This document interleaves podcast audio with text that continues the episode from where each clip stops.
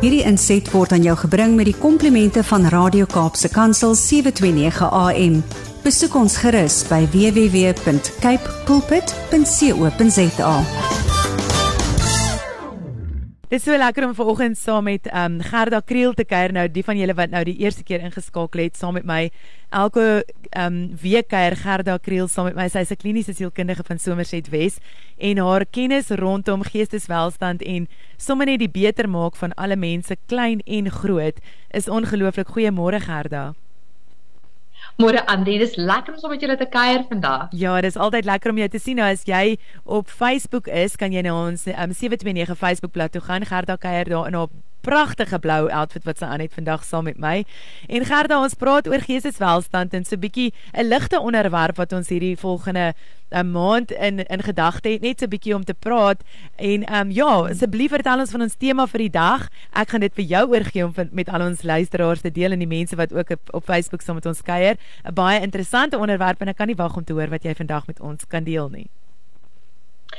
Goed Andri, so ek het regtig besluit hierdie volgende paar weke voor die einde van die jaar moet ons ons luisteraars bemagtig met genoeg inligting wat hulle regtig kan help om 2023 op 'n nuwe manier aan te pak. So 'n lekker positiewe um, atmosfeer, 'n lekker ding wat in hulle lewens kan gebeur.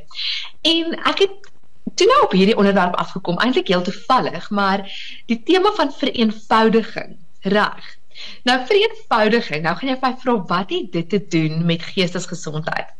So navorsing wys vir ons dat mense wat te veel goed in hulle lewe het, fisiese goed, sowel as te veel verpligtinge of te veel plekke waar hulle betrokke is, oor die algemeen baie meer moeg en uitgebrand en angstig is as mense wat hulle lewens kan vereenvoudig. Reg. So daar is baie oor hierdie onderwerp tans op die internet beskikbaar en ek vind selfs die baie inligting kan 'n mens heeltemal lam lê. Reg. So ek het dit bymekaar gesit vir ons luisteraars en ook bietjie uit my praktyk wat ek sien wanneer ons met mense 'n pad stap en ons gaan deur 'n bietjie van 'n ehm um, ek wil nou nie sê 'n coaching pad nie want ek doen nou nie coaching nie, maar daar kom tog 'n tyd wat ons begin praat oor hoe om jou lewe anders in te rig. En van hierdie temas kom net eenvoudig herhaaldelik oor en oor op. Goed. So dis 'n paar lekker wenke. Ek het so vyf wenke vir ons luisteraars wat hulle kan toepas om in hierdie feestyd intentioneel te gaan en hulle lewens eenvoudiger te maak sodat hulle meer kapasiteit het in 2023 vir die dinge wat werklik saak maak. Fantasties. Ek gaan notas vat want dit klink vir my soos ek daai hoor. Ek maak notas. Want ek is bly. Andrie, weet jy, julle het mos nou um onlangs verhuis. So dis nou amper 'n jaar wat julle in die Kaap is, nê? Nee? Ja, ja, 15 Desember 'n jaar, maar ek trek alweer hierdie naweek, so my tweede trek in minder as 'n jaar. So ek maak oh. ek maak notas. Right, ja. So ek wil sê trek is 'n lekker geleentheid om uit te gooi. En dis ons heel eerste wenk, is gooi uit. Weet jy, Andrie, ek vind dat mense oor die algemeen, amper ons almal, besit heeltemal te veel goed. Nou elke item wat jy besit, vereis jou aandag. Goed, ons dink nie altyd hier aan nie, maar dink gou daaroor. Daai wonderlike pot wat jy het, as hy bietjie vasgebrand het, daai duur pot wat jy nou vir jou gekoop het op Black Friday 'n paar jaar terug, waar dit baie heilig is. Jy gebruik hom nooit nie, hy staan in die kas, want jy weet as hy skoon gemaak moet word, vat dit 'n ekstra bietjie aandag, reg? So dit is lekker om mooi goed te besit en ek sê glad nie moenie mooi goed besit nie, maar Maak seker dat dit wat jy besit in jou lewe vereis nie onnodige aandag nie. Ek het 3 kinders en daar is altyd hoopies in my huis. Hoopies speelgoed, hoopie vuil klere, hoopie skoon klere. En partykeer voel dit vir my of daai goed harder met my praat as my 3 kindertjies. So as ons ons besittings minder maak en ons begin vereenvoudig, dan is daar eenvoudig minder fisiese goed in ons lewens wat aandag nodig het. So jou omgewing word outomaties 'n plek waarin jy minder stres ervaar en waarin jy voel jy het nie noodwendig nodig om iets te doen nie. 'n Vol huis moet jy gereeld regpak. Jy moet gereeld jou kaste uitsorteer, jy moet gereeld dinge organiseer. Dan koop jy containers daar en jy koop bokse daar en jy pak reg en oor 'n maand of twee sit maar weer dieselfde. En as jy vind dit is jou lewe, jy vind jy's in daai siklus van regpak en deurmekaar raak en regpak deurmekaar raak, gooi uit. Dit wat jy nie gebruik nie, kan iemand anders se lewe dalk radikaal verander. Goed. So dis my eerste wenk. Dis 'n fisiese wenk, maar ons weet ook dat daar 'n direkte korrelasie is tussen te veel goed. Ons praat van klatter. Hmm. Reg as al klatter in jou lewe is, maak dit jou angstig. So, dis die heel eerste stap. En ons begin daar want dit is partykeer makliker om met fisiese goed te deklatter as wat dit is om die volgende stap te neem. Die volgende stap is deklatter jou prioriteite en jou rotines. Reg. So, wat bedoel ek daarmee? Julle, daar is honderde verskillende boodskappe vandag in die wêreld wat ons aandag vereis. As jy uh, byvoorbeeld nou 'n ouer is, daar is omtrent 10 of 20 of 30 of 40 experts oor ouerskap, maar almal gee vir jou 'n verskillende boodskap. En dit is regtig moeilik om in hierdie lawaai waarin ons tans lewe, 'n sinvolle filosofie te kry wat vir jou en jou gesin werk. Ons gaan staan nie gereeld stil en vra of iemand se filosofie of iemand se teorie oor iets regtig met ons gesin se waardes pas nie. En op hierdie manier selfs vir jouself. Kyk, ek was onlangs 'n spreker by 'n vroue konferensie in Johannesburg. En een van die goed was die vrouens het almal gepraat oor hoe moeg hulle was. En toe ek opstaan en vir hulle vra, wie van julle het almal die 5am Club boek gelees? Toe steek 90% van die kamer hulle hande op En 50% sê hulle staan elke oggend 5uur op ondanks dat hulle gewerk het tot 11uur toe. En die ander helfte van die kamer het gesê hulle voel skuldig omdat hulle dit nie doen nie. Reg. So jy moet gaan besluit wat is jou prioriteite? Is jy 'n 5uur opstaan mens of 'n 8uur opstaan mens? En dis oukei okay om eerlik daaroor te wees. Onthou jou prioriteite en jou rotines moet vir jou en jou gesin werk. Jy hoef nie elke selfhelpboek se teorieë aan te vang en aan te hang nie. Okay vind wat werk vir jou en deklatter bietjie jou rotine. Die derde wenk wat baie belangrik is en ek wil eintlik ons luisteraars uitdaag om oor hierdie feestyd spesifiek dit te doen. Maar skakel af. As jy kan wegkom van werk af as jy 'n geleentheid het om op verlof te gaan, moenie werk saam met jou vat nie. Ek hoor al die onderwysers wat in elk geval nie nou luister nie want hulle is by die skool besig om skool te gee. Maar my man se familie is almal onderwysers ons in die akademie en elke vakansie vat hulle soveel werk saam dat hulle eintlik die nuwe jaar moeg begin. As jy kan, breek heeltemal weg. En nie net van werk nie.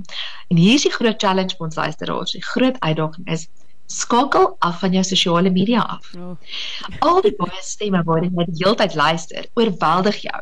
En jy kom eers agter hoe oorweldig jy is nie. Hmm. So vat 'n breek, reg? Ons praat van 'n sabbatical, 'n social media sabbatical. Elke kliënt met wie ek dit nog ooit gedoen het, ons vat 'n week of 2 weke en ons sê gaan pas dit toe en kyk wat gebeur met jou geestesstoestand. Diarise dit, kyk net, let net op. Elkeen het 'n verligting en angs ervaar, het verbeter in hulle slaaproetine en het meer connected gevoel met die mense in hulle lewens. So klim bietjie van my foon af. So dan kom by mense, dan is die vierde stap ook dat jy bietjie jou verhoudinge herëvalueer. Ons is vandag baie meer connected as ooit vantevore. En daar's baie verhoudinge wat ons saam met ons dra wat eintlik nie meer vir hierdie seisoen in ons lewens soveel aandag vereis nie. En dis oukei okay om dit te erken en dis oukei okay om te sê daar is 'n seisoen wat ons met hierdie mense baie naby en heg was en nou is daar 'n nuwe seisoen. En om jouself bietjie los te maak van die verantwoordelikheid daarvan om by almal uit te kom. As ons hierdie tyd praat met mense dan is dit amper almal wat sê hulle is elke naweek besig. Hulle moet by daai mense en daai mense en daai mense uitkom want hulle het nie deur die jaar by hulle uitgekom nie. Ek het goeie nuus. 1 Januarie 2023 gaan kom en jy gaan 'n nuwe kans kry om met mense te connect. Jy hoef nie alles in Desember in te pas nie. Mm. Reg. So vat 'n bietjie spasie vir jouself. En dan wil ek jou uitdaag. Die laaste een is: herëvalueer jou grense. Het jy dalk in die afgelope jaar vir dinge ja gesê wat jy eintlik voor moes nee sê? Kan jy op 'n manier net weer 'n bietjie dit bymekaar trek en en kyk of dit wat jy hierdie jaar gedoen het nog pas vir die seisoen waarin jy in 2023 gaan kom. En is ook okay om te sien jy het nee gesê vir dinge waarvoor jy eintlik wil ja sê. Dis tyd vir ons om regtig intentioneel te begin leef en om met intentionele leef bedoel ek dat ons begin besluit wat is die dinge wat ons gaan rig? Wat is die dinge wat ons in ons lewens gaan toelaat? En wat is die gewoontes wat ons moet aankweek om werklik connected in hierdie wêreld te leef op 'n manier wat ons baat sowel as die mense rondom ons. So ja, Andri, in 5 eenvoudige sleutels is daar wenke vir ons luisteraars om hulle lewens te vereenvoudig hierdie feestyd. Jesus, Gerda, dit is so ongelooflik want dit is vyf waardevolle wenke. Ek gaan dit gou-gou herhaal vir ons luisteraars. Heel eers maak skoon die klatter fisiese goederes in jou huis. Ek weet ons is almal sentimenteel, maar maak seker dat jy dit dat jy dit probeer ten minste doen. Die klatter prioriteite en dan ook ehm um, ja, jou rotines. Maak seker jy die klatter daai deel van jou persoonlike goedjies wat jy saamsleep. Skakel af sosiale media, wees present hierdie vakansie by die mense saam met wie jy dit kuier. Moenie heeltyd op jou sosiale media sit en kyk na die ander mense se vakansies nie. Geniet jou eie verhoudinge e-, herëvalueer baie belangrik want dit is seisoene Gerda daai is vir my baie baie belangrik en dan vyftens herëvalueer jou grense en dis iets wat ek heel eerste prioriteit gaan maak want ek het vir heeltemal te veel goed ja gesê en um, net voel verplig en dit, dit sit net soveel ekstra druk op jou. Gerda, hierdie is waardevolle um wenke wat jy vir ons gegee het. Vreeslik baie dankie daarvoor en ek sien uit na volgende week se se praatjie en net so bietjie ook gesels want dit is so lekker lig en dit is net praktiese goed wat ons kan toepas en dankie ook vir dit wat jy wat jy doen vir ons gemeenskap en vir die vir almal daar buitekant. En um dis my belangrik dat mense ook in kontak met jou kan kom. Gerda, as jy net vir ons 'n kontak um e-pos kan gee waar mense meer um, met jou kan gesels op op sosiale media of dan op op op, op e-pos. Ja, so op sosiale media kan hulle my net op Instagram of op Facebook volg. Dis Gerda Kriel, net so eenvoudig soos dit. En my e-posadres is gerdakriel.psychology@gmail.com. Fantasties. gerdakriel@psychology oh, gerdakriel.psychology@gmail.com.